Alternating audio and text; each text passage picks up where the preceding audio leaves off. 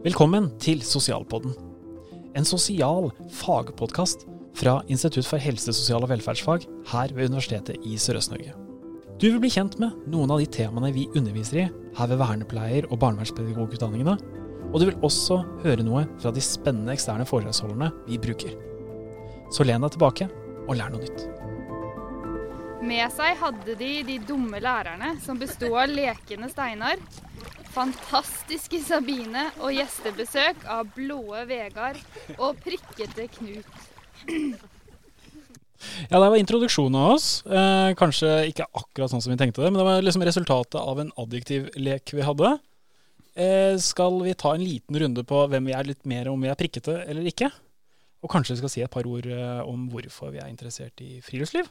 Starte med deg, Vegard. Eh, vanskelig spørsmål. Jeg har holdt på med friluftsliv hele livet. Helt fra den klassiske eh, søndagsturen i søndagens løype med familien, speider, eh, og seinere i ungdomstida med, med, venner, om det så var på Hardangervidda eller bare ned den lokale elva og fiske gjedde. Så jeg er på en måte ødelagt. Jeg har holdt på med friluftsliv alltid. Så hvis jeg skal tenke på hvorfor jeg har gjort det, så må jeg nesten lenger tilbake enn jeg kan huske. Vi har også med oss Sabina.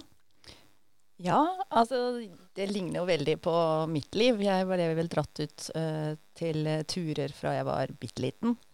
Og uh, har vært speider, vært på fjellet. Jeg er jo opprinnelig en sveitser, så jeg har uh, tråkka rundt i de sveitsiske fjella i mange, mange år. Så uh, ja. Det er vel mitt utgangspunkt er nok at det er en del av mitt liv. Og Knut vet vi har vært på tur med Lars Monsen og undervist han Nei, det var ikke helt det, Knut? ikke helt. Jeg, jeg, har vokst opp i skogkanten ute på bygda i Romsdalen. Uh, men den der virkelige øyeblikket hvor jeg oppdaga at jeg var glad i natur, var da jeg jobba på en barnevernsinstitusjon og var i skauen med unge gutter. Overnatta ute ved siden av bålet og så sola stå oppover vannet vi lå ved. Det er som en sånn etter den dagen så har jeg bare elska både å være alene ute i naturen, men også sammen med barn og unge. Ja, for det er jo litt det grunnen til at vi driver med det som vi skal prate om en god del i dag, nettopp aktivitetsfag og hvordan vi kan bruke friluftsliv inn i mm. det. Uh, min tilnærming til friluftsliv uh, Oppvokst uh, som ingen hører på det dialekta mi, så er jeg fra Nord-Norge. på Andøya liksom, med foreldre som drev med, hadde bikkjer, altså hundebikkjer og ut i marka på rypejakt og litt sånn da jeg var liten. Det var liksom der det starta. Men så øh, liksom flytta jeg til Sandefjord, der jeg kanskje har litt mer dialekt fra. Og da var jeg sånn uh, sementungdom. Eh, hang rundt på i kjøpesenter og litt sånn. Men så kom jeg i Forsvaret, og da var det sånn oi, tilbake til eh, naturen på en eller annen måte. Og så etter Forsvaret så fant jeg ut at det var mye hyggeligere å være i naturen, og ingen står og hylte og skreik meg inn i øret. Eh, så, så da, da, endte jeg opp uh, med, med å, naturen. Det er liksom plassen der jeg finner roa. Mm. Mm. I denne episoden så skal vi prate mye om aktivitetsfag, friluftsliv. Vi har nettopp vært på en eh, tur, og dere kommer til å høre en del eh, lydklipp fra denne turen. Og så skal vi fire ta og prate litt rundt de forskjellige lydklippene og hva de betyr for oss. Så skal vi starte med å høre et lydklipp til her. Og når jeg er her nå, så er det vel kanskje som som eh, ansvarlig for, eller medansvarlig, eller medskyldig, eller hva vi skal kalle det, for eh, aktivitetsfaget. Bruke aktiviteter, også fritidsaktiviteter, i arbeid med ulike grupper. Så vi er ikke her bare for å bli kjent og bli trygge på hverandre, få noen felles historier, kanskje noe å le av, til og med av hverandre litt, hvis det er gjort med kjærlighet. Eh, og sånn sett skape litt det samholdet som vi er avhengig av i, i et kull. Nettopp, Vegard. Skal vi le litt av hverandre? Det er litt viktig å oppleve ting sammen. Jeg tror det. Ja, For det her var introduksjonen din. Du, du holdt et uh, fantastisk foredrag for uh, alle kullene når de kom opp dit. Uh, men kanskje vi skal starte litt med hva var opplegget? For de som hører på nå, de har jo ikke vært på vår hengekøyetur. Hva, hva, hva gjorde vi? Hva vi gjorde? Vi eh, dro ut med 160 studenter, hvis vi ser på de to kulla sammen. Eh, barnevern og vernepleie. Men eh, pga. koronabestemmelser i grupper på 20. Eh, etablerte leir og fordelte hengekøyer.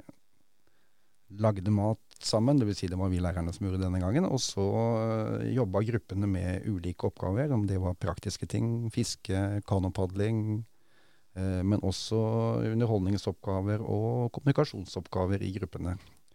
Alt sammen da ved fjellvannets bredd. Ja. Og i den introduksjonen så sier du noe om eh, fjellvannet, at det ikke er tilfeldig valgt heller. Det er noen tradisjoner her eh, utdanningene. Ja, helt siden utdanningene starta på begynnelsen av 90-tallet i Skien og seinere Porsgrunn, så, så dro vi på en eh, friluftstur som en del av introduksjonen. Det å bli bedre kjent. Og da var vi ved fjellvannet de første åtte-ti åra. Ikke samme sted som nå, men eh, lenger syd i vannet. Eh, kan, eh, det, det, å kunne le sammen, eh, det tror jeg er et poeng. Du sier også, eller kanskje det var jeg som sa det, for å gjøre foredraget ditt enda bedre, at av og til så kan det bli så organisert at det ikke er moro lenger. Og det å ha det moro med at det ikke er helt perfekt organisert hver eneste gang, det, det, det har vært noe spesielt. Det å kunne le sammen. Noen som har noe å tilføye på det? Jeg tenker jo at det, en, det gjør at man blir mer avslappa. Altså hvis studentene må finne ut av ting og finne ut av hvordan de skal klare noe sammen, så, så, eh, så kan det gi en eh, At man kan senke skuldrene, da. Hvis man eh, oppdager at man gjør tøysete ting og og ikke at alt er så alvorlig. For jeg tenker kanskje noen ganger når du er blitt ny universitetsstudent, så kan det virke veldig alvorlig. Det er veldig mye fokus på mm. skole og karakter og sånne ting. Så da er det godt å komme ut og møtes i en annen sammenheng. Ja, nettopp det å kunne le sammen gjør at du senker skuldrene og kanskje viser mer av hvem du er også? Absolutt, og det var jo et av poengene når vi tok imot, tok imot eh, kullene der oppe. At vi liksom snakka om det. Senk skuldrene og bare vær til dette her er ikke alvor, eh, nå skal vi ha det kjekt sammen. Eh, og, og, det at de allerede ganske tidlig begynte da. For å forberede underholdning, gjorde at det var jo mm. latter, ikke bare om kvelden og det var underholdning, men i løpet av dagen også.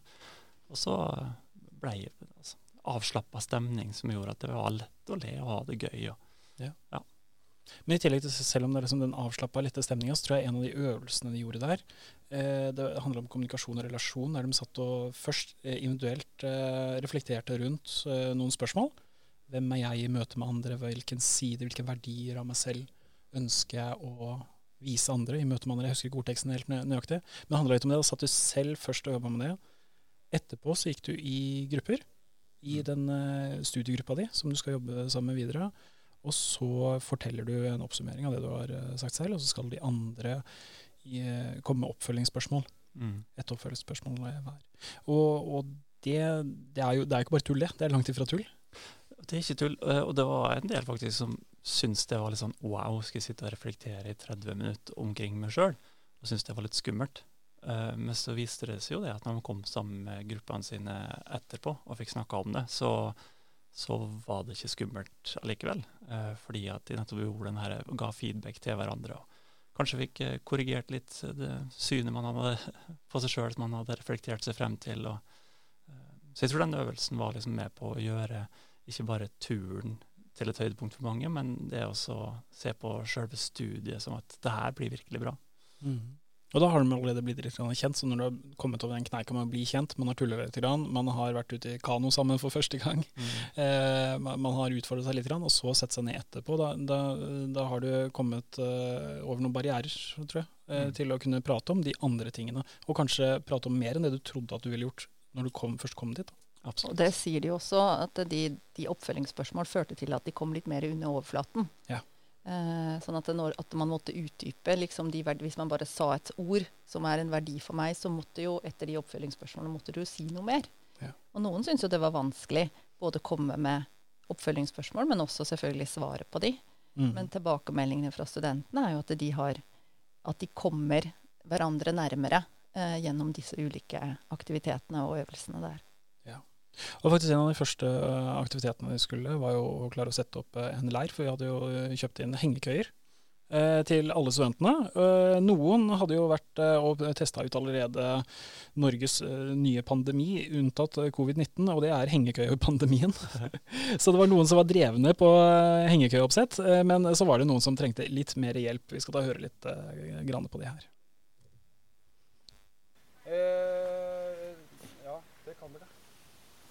Se her, ja. Jeg nølte med deg sånn. Nei, nei, det, jeg tenkte bare på neste ting jeg oss tarpleir. Jeg kommer til å kose meg, jeg. Det så veldig hyggelig ut. Det er masse sånn, litt sånn hobbitlandsby, egentlig. Ja, Welcome among the real people. prøve å ligge i sirkel, Det hadde gjort. Altså, laga en veldig, veldig fin leir her. Hvis det hadde vært en premie så finnes det leir.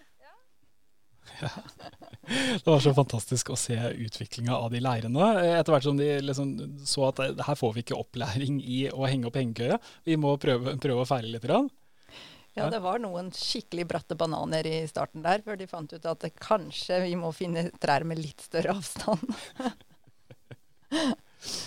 Jeg tror de hadde godt av å prøve sjøl. Og hjelpe hverandre, ikke minst. Det sier de jo også. Ja. At det er godt at det er noen som kan eh, hjelpe til, og man kan lære av hverandre.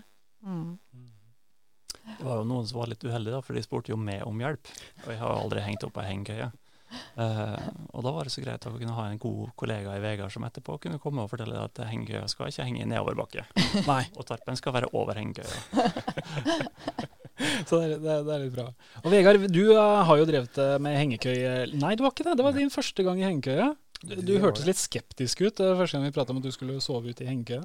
Ja, jeg hadde hørt rykter om at eh, folk våkner med ryggen i fatle, og jeg visste at jeg skulle ha fire netter på rad i hengekøye, og hadde egentlig bare hatt en etmannslur i hengekøye før, men det gikk eh, overraskende bra. Ja. Vi har jo gjort eh, tilsvarende prosjekter eh, tidligere, med at eh, vi dro på Hydrostranda. Eh, Norsk Hydro sitt feriested eh, ute i Bamble. Eh, der vi har leid hytter, der man bor i hytter istedenfor. Litt mer luksus. Men vi har også pratet om at det å dra ut i hengekøyer, det gjorde noe med dynamikken. Det var noe annet. Plutselig når du Ja, du utfordrer deg selv kanskje litt mer, du har ikke den samme luksusen. Eh, har du noen tanker om det, Vegard? Ja, absolutt. Jeg tenkte mye på det der oppe, at eh, fordelen med å reise samla til Hydrostranda var at hele kullet kunne liksom, ha opplevelser sammen. Nå ble det grupper på 20 av gangen, men den roen som oppstår når man ikke er så mange, og når eh, det ikke er en rekke hytter og båter i havna og lange avstander å gå, alle sånne ting, men det å være på ett sted og ha det litt enkelt rundt seg, det gjorde at folk ble bedre kjent, og fikk kanskje også en større opplevelse av trygghet og, og mestring. Ja, det var jo også mindre grupper eh, som kunne da eh, henge sammen. Det var ikke meningen å ha et ordspill der, men eh, det, det, det, det, låta leken ut.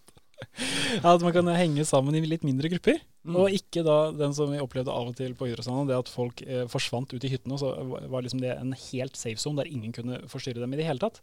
Hvis det var noen som lå i hengekøye her, så, så var det mye lettere å bare gå bort og si hei, går det bra, trenger du bare å slappe litt av, eller skal du være med ut, eller Og så var det mindre grupper, noe som gjør at det også kanskje er enklere å delta i de her aktivitetene.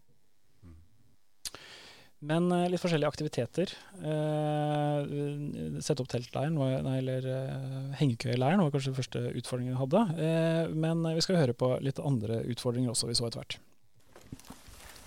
Og så var det noen i stad som erfarte hva som var foran og bak, men det kan vi ta etterpå. Det her er bak.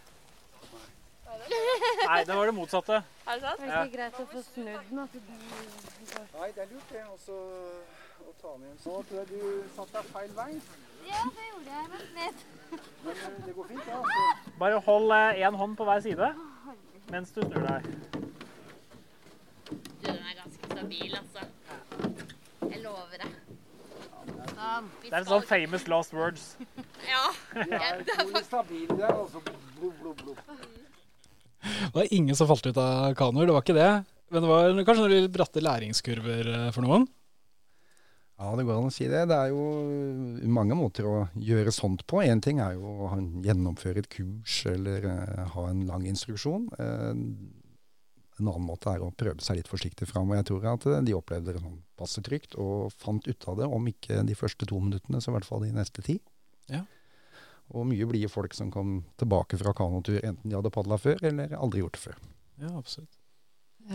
De fikk jo, det er flere som fikk utfordra seg litt på det. Ja. At uh, det er litt ustabilt i starten, og, og man må stole på at uh, kanoen bærer, og at eh, medstudentene padler og ikke tuller og tar hensyn. Og det gjorde de. Ja. Uh, så det var veldig, veldig fint å se. Mm. For, for vi ler litt av det sånn foran og bak på kanoen, så det blir litt god stemning. Men, men, det er lett å ta for gitt at alle vet hvordan en kano skal padles. Eh, og det handler jo litt om bare hvilken kunnskaper tenker vi at er allmenn, som bare alle vet. Og det er jo stor uh, variasjon. Uh, jeg sitter og tenker på at det å få At alle ved å være med på en sånn her type aktivitet, uh, vil jo få en sånn, et første steg inn i å kunne gjøre noe som de ikke har gjort tidligere. Og da, da har man vært ute på én kanotur før. Da kan det hende at det, man kan i jobbsammenheng seinere som ferdig utdanna barnevernspedagog eller vernepleier. Eh, det er en lavere terskel for å være med på sånn aktivitet, kanskje ta ansvaret for i tillegg. Tenker at det er viktig læring som med tanke på fremtiden når de skal ut og jobbe med barn og unge òg. Uh, en av studentene sa det til meg at uh, nå vet jeg virkelig hvordan det er å skal utfordre meg sjøl og gjøre noe som jeg er livredd for, uh, og hva som skal til for at jeg tør å gjøre det. Mm. For hun hadde jo noen som virkelig backa henne og hjalp henne med det. Uh, og så sa hun og dette skal jeg ta med videre når jeg skal ut og jobbe med barn og unge. Ja. Det å virkelig ta på alvor andres frykt og mangel på kunnskap i forhold til ting. Og jeg syns også når vi var der, at vi var rimelig flinke til å kunne sette litt ord på at det er helt OK ikke Det er ikke alle som har gjort det her, så det er helt OK å si sorry, men jeg vet faktisk ikke hvordan det her skal gjøres. Jeg trenger litt hjelp. Og så var den store tingen da at kanskje det ikke bestandig var vi som lærte dem det men uh, at de lærte av hverandre. Vi skal høre litt mer her. Det er jo den, som, det er jo den som går rundt. Ja, OK. Ja, OK. Hadde ikke dere gjennomgang av det forrige uke? Nei. Var det ingen som hadde møtt opp på fluefiskekurset ditt uh, uka før? Nei, det var null frammøte. Den ble vel kanskje avlyst òg. Eller aldri på den starta opp. Men eh, apropos dette med å finne ut av det ved å gjøre det, så er vel dette også et godt eksempel på å stå der og kikke på en uh, åpen haspelsnelle og på egen hånd forstå hvor den skal tres. Det tar ikke lange tida før man har skjønt prinsippet, og så kan man begynne å øve kasting derfra. Ja. Det var sånn de aller fleste gruppene gjorde det. Så, og det nevnte du i stad, dette med at det er veldig ulikt eh, kunnskap og ferdighetsnivå i utgangspunktet. Og i gruppene så var det ofte sånn at det var en eller to som hadde grunnferdighetene inne, og ble en slags instruktør for sine. Så, så det å ikke overstyre eller uh, gruppene, det kan også være en god måte å gjøre det på. Så det ble ikke noen direkte opplæring. Jeg tror jeg sa det et par ganger. Nå skal vi prøve å jobbe litt med henda bak på ryggen. Det er vel noe i hvert fall vi vernepleiere har en tendens til å si, at det er sånn vi liker å jobbe. Eh, men, men det, det, gir jo noe ekstra for de når de er, liksom, kjenner at dette jeg, jeg, har noe kunnskap fra før av. Jeg har noe å bidra med inn i denne sammenhengen. Og mest sannsynlig når vi jobber videre i gruppearbeidet, så erfarer jeg det på andre områder også. At, uh, jeg kunne ikke noe om kanopadling, men APA 6 derimot er jeg kjempegod på. så bra. Skal vi høre på et uh, klipp videre her. Det ligger sånn et steinkast Skal dere ha, eller? Veldig gjerne. Sånn. Skal du ha litt Nei, det er nok hele meg klør, altså. er det én ting som finnes oppe på Luksefjell på fjellvannet, så er det mygg. Ja, i hvert fall på den tida av året. Det er rimelig godt med mygg. Mye mygg. Mye mygg. Og det ga noen utfordringer for eh, en, en del eh, personer. Bare det og eh, hvordan skal man hanskes med mygg. Jeg vet ikke hvor mange liter myggspray vi brukte. Det var en god del, og jeg måtte kjøpe nye forsyninger underveis. Så, så det er klart at det gikk litt myggspray, og, og noen syntes nok det var vanskelig. Men så var det òg noen som kom på en måte til et punkt hvor det er sånn jeg måtte bare akseptere myggen. Ja. Og det også er jo et sted å komme. At det er noen ting du ikke får gjort noe med. Da kan du enten ha kjempefokus på det og bruke tida di og kreftene dine på det, eller du kan bare finne ut at ja, det er greit, det er mygg her, sånn er det. Ja. Og så går det greit likevel. Så det, det er nok mange som kom dit til slutt. Det er bare å innse jeg klarer ikke å ta alle. Jeg klarer ikke å klappe til alle.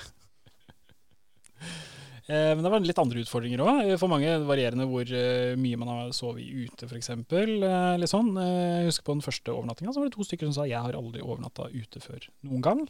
Og da skvatt jo Jeg skvatt ikke av det. Det jeg skvatt av, var at det ble minusgrader den natta. Så det var jo virkelig respekt til det. Første, første overnatting i minusgrader. Har du tanker rundt det? Liksom utgangspunktet det at det er så forskjellig fra person til person. Det å kjenne litt på ubehaget Ja, jeg tenker jo at det er eh, Det, det var jo litt tøft. Og det var, vel, eh, det var vel ikke bare studentene som frøys, for å si det sånn. Det var flere av oss som ikke sov veldig mye den natta og måtte gå litt turer og sånn. Eh, Men jeg tror det, i og med at det bare er én natt, så er det litt sånn at det klarer du å holde ut. Du vet at du skal hjem i morgen, og da er det varmt og godt. Og så jeg traff jo noen eh, på vei til doen på morgenen der som eh, ikke hadde sovet så mye. Men så fikk vi noe varme oss, og, Ja, ja. og det blei en god opplevelse til slutt allikevel. Fordi det, det hadde gått bra. Eh, selv om det var litt vondt en stund der. Mm.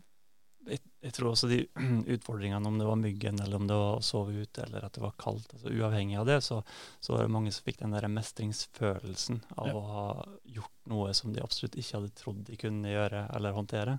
Eh, sånn at eh, ja, det var litt kaldt på morgenen, men de gikk hjem med hodet høyt heva og hadde en sånn felles erfaring av at det her har vi fått til, altså. Det er bra. Ja, det er skikkelig stilig. På, for, for Vegard på nei, nei, når, når eh, studentene kommer, så, så har du en litt sånn eh, I det foredraget så prater du om hva er natur, hva er friluftsliv. prater om. Og da, eh, For meg så er friluftsliv bl.a. det vi prater om nå. Det er litt faktisk et ekstremt. Det å kjenne på naturkreftene. Det å, å kjenne at man har vært ute en vinternatt før, eh, bokstavelig talt. Og kanskje det blåser litt og det regner litt, og du kjenner at dette er ikke moro. Men gud, og den kebaben smaker, ekstra godt dagen etterpå. Ja, nå blir kebabeksempelet ditt igjen? Jeg, det er mange andre ting som smaker godt også dagen etter. Eh, jeg tror du er inne på noe helt vesentlig der, Steinar. At eh, selv om det nordiske eller skandinaviske friluftslivet eh, Noen liker jo å si at det er det norske, eh, men ok. Eh, at det ikke handler om å overvinne naturen eller å overleve i naturen, men at det handler om å finne seg til rette i naturen. Men det betyr jo ikke at man til enhver tid har det behagelig. Så det å akseptere noe ubehag, om det er mye mygg som stikker både her og der, eller om det er eh, å fryse om natta, eller bli våt, eller svett og sliten, at det er en del av opplevelsen. Sånn at, eh, at man liksom innfinner seg med at eh, det er både behagelig og litt ubehagelig, men det gir en god følelse av å ha stått igjennom det. Ja, for angående det med, med, med kulde, så var det flere som skrev det i refleksjonsnotatene sine, sine etterpå. Og da, da, da var det kommentarer som at eh, ja, jeg må huske å pakke godt nok neste gang, eller det er viktig å følge pakklista. Eh, og da er det sikkert noen som erfarte det at når vi skriver tykk genser, eh, så er ikke det hettegenser, eh, f.eks. Eh, så var det flere som gjorde det. Men det, det, det som jeg syns var morsomt med eh, refleksjonsnotatene, var jo at det i veldig stor grad handla om refleksjon rundt jeg burde egentlig tenkt på dette, jeg har nå lært at. Mm. Ikke Steinar og Vegard og, og de skulle skrev, forklart oss bedre eller forberedt oss bedre, men, men det at man har erfart noe nytt, man har lært noe nytt ut av det. Og man har kommet over det, man har overlevd. Ja. Skal vi se videre på ute i naturen, det nordiske naturlivet. Nå skal vi høre Vegard her, eh, hans reaksjon, når jeg lurer litt på ja, men hva er så egentlig så fint med de greiene her, da? Nei, hvorfor det er fint? Eh, Se rundt deg, da. Altså, Det er jo eh, For det første så er det jo sånn at nå ser du hvordan vannet her egentlig ser ut. Fordi det pleier å være demt ned både én og to meter. Nå er det plutselig ordentlig vann. Sånn at du får eh, vannet helt opp til vegetasjonen. Og disse små øyene og oddene som da med svaberg ut, og så da ganske frodig skau med blandingsskog helt ut. Og så er det noe med at det er flatt rundt vannet, og så kommer plutselig litt sånn steile telemarksfjell.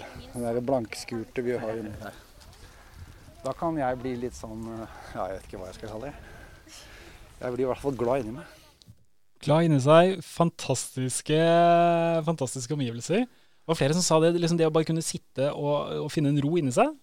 La plutselig at eh, blikket ditt det ender ikke opp i eh, klasserommet, i eh, bilen, et eller annet sånt. Man kan se langt. Mm. Og så kan man sitte der og, og se langt av gårde på noe som er pent, vakkert. Selv den morgenen når vi våkna og det var tåkete og disete, så var det pent. Det var veldig pent.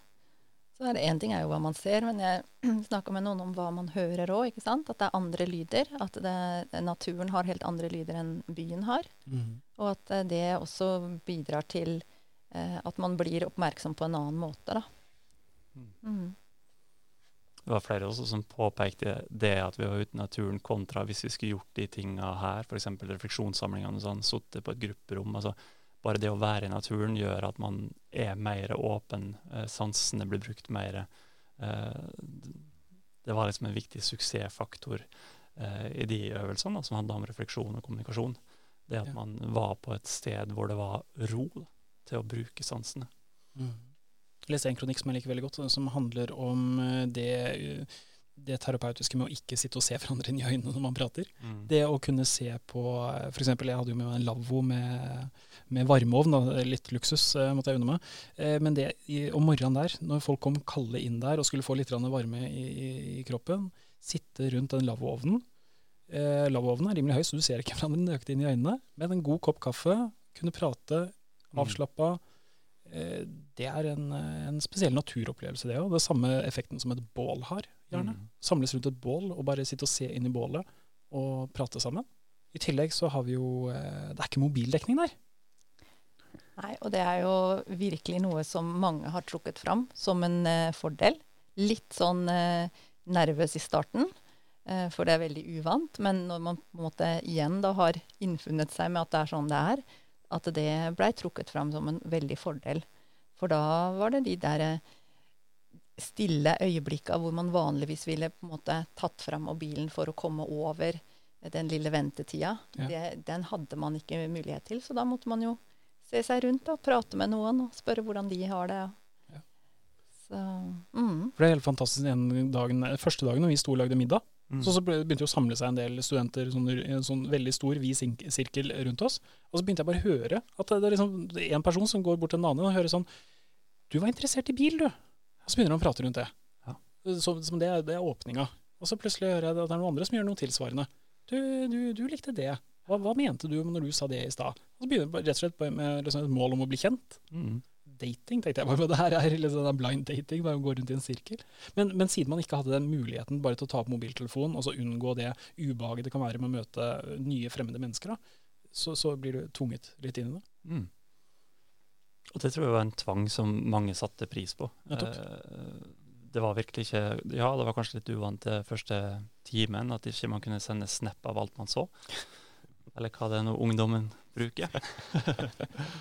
Eh, men, men, eh, men nettopp det der at vi er på en liten plass, ingen mobildekning, det er rolig, det er fint. Folk ble mer åpne. Folk turte å gå og ta det skrittet, og gjorde det egentlig med glede. Det Absolutt. å snakke med den som man ikke har snakka med før. Og så var det litt festlig når du kom ut der og se alle sammen løpere med venstrehånda høyt opp i lufta gående i fem minutter. Til du, liksom, du, ser, du ser det bare i øynene deres at det bare liksom innser at nei, jeg får ikke dekning her. så ja. Skal vi se Ja, vi sto og lagde middag. Vi sto for uh, middagslaginga. Jeg visste ikke at eh, vi nå kan stille med USN sitt nye kokkelandslag, eller noe sånt. Eh, men det blir imponerende mat. Eh, det er flere som har sagt også at jeg visste ikke at vegetarmat kunne være så godt. Det var en eh, erfaring mange gjorde seg. Absolutt. Ja. Det var jo veldig lettvint å lage vegetarmat, fordi at eh, det da også var eh, si glutenfritt og melkefritt. Ja. Sånn at da hadde vi alltid ett. Og når man skal være ute og lage enkel mat i én gryte, så kan jo det være en fordel. Det var noen som syntes det var utfordrende og hadde ikke spist verken linser eller belgvekster eller noe annet. Ja. Så gresskar var vel også en ny opplevelse for noen. Ja. Så um, mm. Vi kan jo høre litt eh, på hvordan det her eh, kunne høres ut da, når vi står samla rundt et bord eh, og lager mat. Eh, fire ansatte. Ja, hva er det? Det visste jeg i går. Visste i forgårs, og så i tillegg så spurte jeg Vegard i går for å få en recap på det. Det hjalp ikke. Det hjalp ikke. Så det husker du altså ikke? Nei. Vi hadde sånn quiz naturquiz. Hvilket norsk dyr, dyr som vi kunne søte på i skogen her, kaller man han for ramle og hunden for sette. Og da tipper folk på alle mulige slags rare dyr, men ingen tipper da på hare. Ja, så nå, nå har jeg spoila det store quiz-spørsmålet ditt, Vegard. Eh, men, men det som er morsomt, er jo det at vi, vi som er med på det her, vi, vi, vi sier jo for det første, vi gjør det her bl.a. fordi at studentene skal gjennomgå en sånn gruppe, gruppeprosess. De skal bli kjent og alt mulig. Men det her gjør jo noe med oss i kollegiale òg. Det at vi står, vi samarbeider rundt noe, vi er ute i naturen. Så alle de tingene som vi sier at studentene skal gjøre for, for sitt samhold, det, det gjør at vi har, Det er moro. Mm, absolutt. Jeg kjente jo veldig på Jeg er jo da den nyeste Jeg er ikke ny lenger, men den nyeste i kollegiet. Så det er liksom bare min andre tur sammen med dere. Og det er også det at vi hadde en sånn greie at vi måtte stå og lage mat sammen. Eh, Sist så var det jo studentene som gjorde det. Før, før i tida. Eh, men eh, det var liksom god stemning. Det skifta veldig mellom spøk og moro, men også de her gode pratene om det som skjedde rundt oss. og Litt oppdatering på eh, hva skjer på vernepleiercampen, hva skjer på barnevernscampen. Og, og så delte vi gode historier, lo. Og så samla jo studentene seg rundt oss etter hvert. da. Ja, ja. Sto og så på de tullingene som lagde mat. Nei, for det- ble mye tulling. De får jo også se oss fra en, eh, fra en helt annen eh, vinkel enn det de vanligvis gjør. Det var ikke mye APA-referanser i det vi sto og prata om. det, så så de, får, de blir jo kjent med oss på en helt annen måte, samtidig som vi blir kjent med hverandre. Mm. Ja, eh, kanskje er det én av mange viktige ting med aktivitetsfag og det å bruke fritidsaktiviteter eller praktiske aktiviteter i arbeid med ulike grupper. At det på en eller annen måte fjerner maktforskjeller eller nivåforskjeller. Så lærer og elev, eller her da lærer og student, eller ansatt og, og barn og unge i institusjon, det, den forskjellen blir mindre på et eller annet vis, fordi aktiviteten krever at alle deltar, og, og det er den som står i fokus, og ikke, det, ikke maktforholdet. Og kanskje var dette også et eksempel på det, at plutselig så er vi bare sammen om å løse praktiske situasjoner ute i skauen. Vi er ikke læreren som skal vurdere en eksamen, og studenten som skal prøve å se ut som han følger med og har lest pensum osv. Og det vil forhåpentligvis eh, senke terskelen veldig for at de generelt bare tar kontakt med oss. Vi sier jo det, ja, Av og til så må vi holde de store foredragene, men ved at de kjenner hverandre og de kjenner oss, så er det lettere for at de kommer eh, til oss eh, med spørsmål. Mm. Det er trans spesielt det når du først har sett morratrynet til eh, læreren din, så, så blir det lav terskel etter hvert for å prate med noen. Du blir godt kjent ute i skogen. Det blir man. Absolutt. Så eh, hvordan skal vi oppsummere det? Vi har eh, Jeg ble sittende og tenke på en eh, ting. Eh, Kan vi si at eh, det her skaper bedre kullmiljø? Kan vi si at det skaper mindre frafall på utdanningene våre? Vet vi noe om det? Ja, vet som vi vet. Vet eller vet? Vi har vel ikke noe systematisk forskning på det. Vi er veldig sikre på gjennom evalueringen eh, som har kommet fram fra veldig mange kull, at, at denne oppstartsturen gjør at det er mye tryggere å komme tilbake på skolen. Eh, kjente ansikter i kantina, en felles historie som man har eh, ledd av eller eh, måttet finne en løsning på sammen, sånn at man plutselig kjenner at man er en del av et vi. Og at det er med på å øke motivasjon og også fremme læring i siste instans, det, det er vi veldig sikre på. Absolutt. Men det blir jo spennende å se, da. Uh, videre utover, i og med at det nå er fryktelig mange år siden man har gjennomført denne type tur. Eh, men det som veldig mange av studentene har gitt tilbakemelding på, er nettopp det at de var så få der ute, var en positiv ting. Noe som gjorde at de ble, ble godt kjent med andre, noe som gjorde at de turte å utfordre seg sjøl. jeg tror det er et godt grunnlag i hvert fall for å håpe på at eh, et, kanskje får et eh, kull eh, som starta i 2020, som eh, blir noe av det mest unike vi har eh, sett på flere år. Absolutt. Den så Det er, det Visjonsknut som snakker, da. Ja, men jeg tenker jo at i, altså vi har, studentene møtes jo ellers mindre. Altså Mm. Nå har de for, så vidt tatt den der ene, eller det døgnet ute i naturen sammen, men, men sånn i de vanlige ukene så er de jo kanskje innom her én gang eh, i løpet av uka. Og ellers så er det veldig mye nettundervisning og eh, videoer som de må jobbe med, og gruppearbeid. Så jeg tenker jo at eh, det å ha faktisk vært sammen såpass mye over lengre tid, eh, forhåpentligvis òg gjør det lettere da å gjøre de andre tingene som, som de nå ikke kanskje gjør ved å møtes fysisk, men må gjøre på nett. Mm. Det høres bra ut. Skal vi ta runde av der vår eh, lille podkastepisode om eh, hvordan det er å være på eh, bruke friluftsliv som en del aktivitetsfag. Så da får jeg takke alle sammen til at eh, vi har vært med. Takk for praten, det var hyggelig. Og jeg håper eh, du som har hørt på, har lært noe nytt.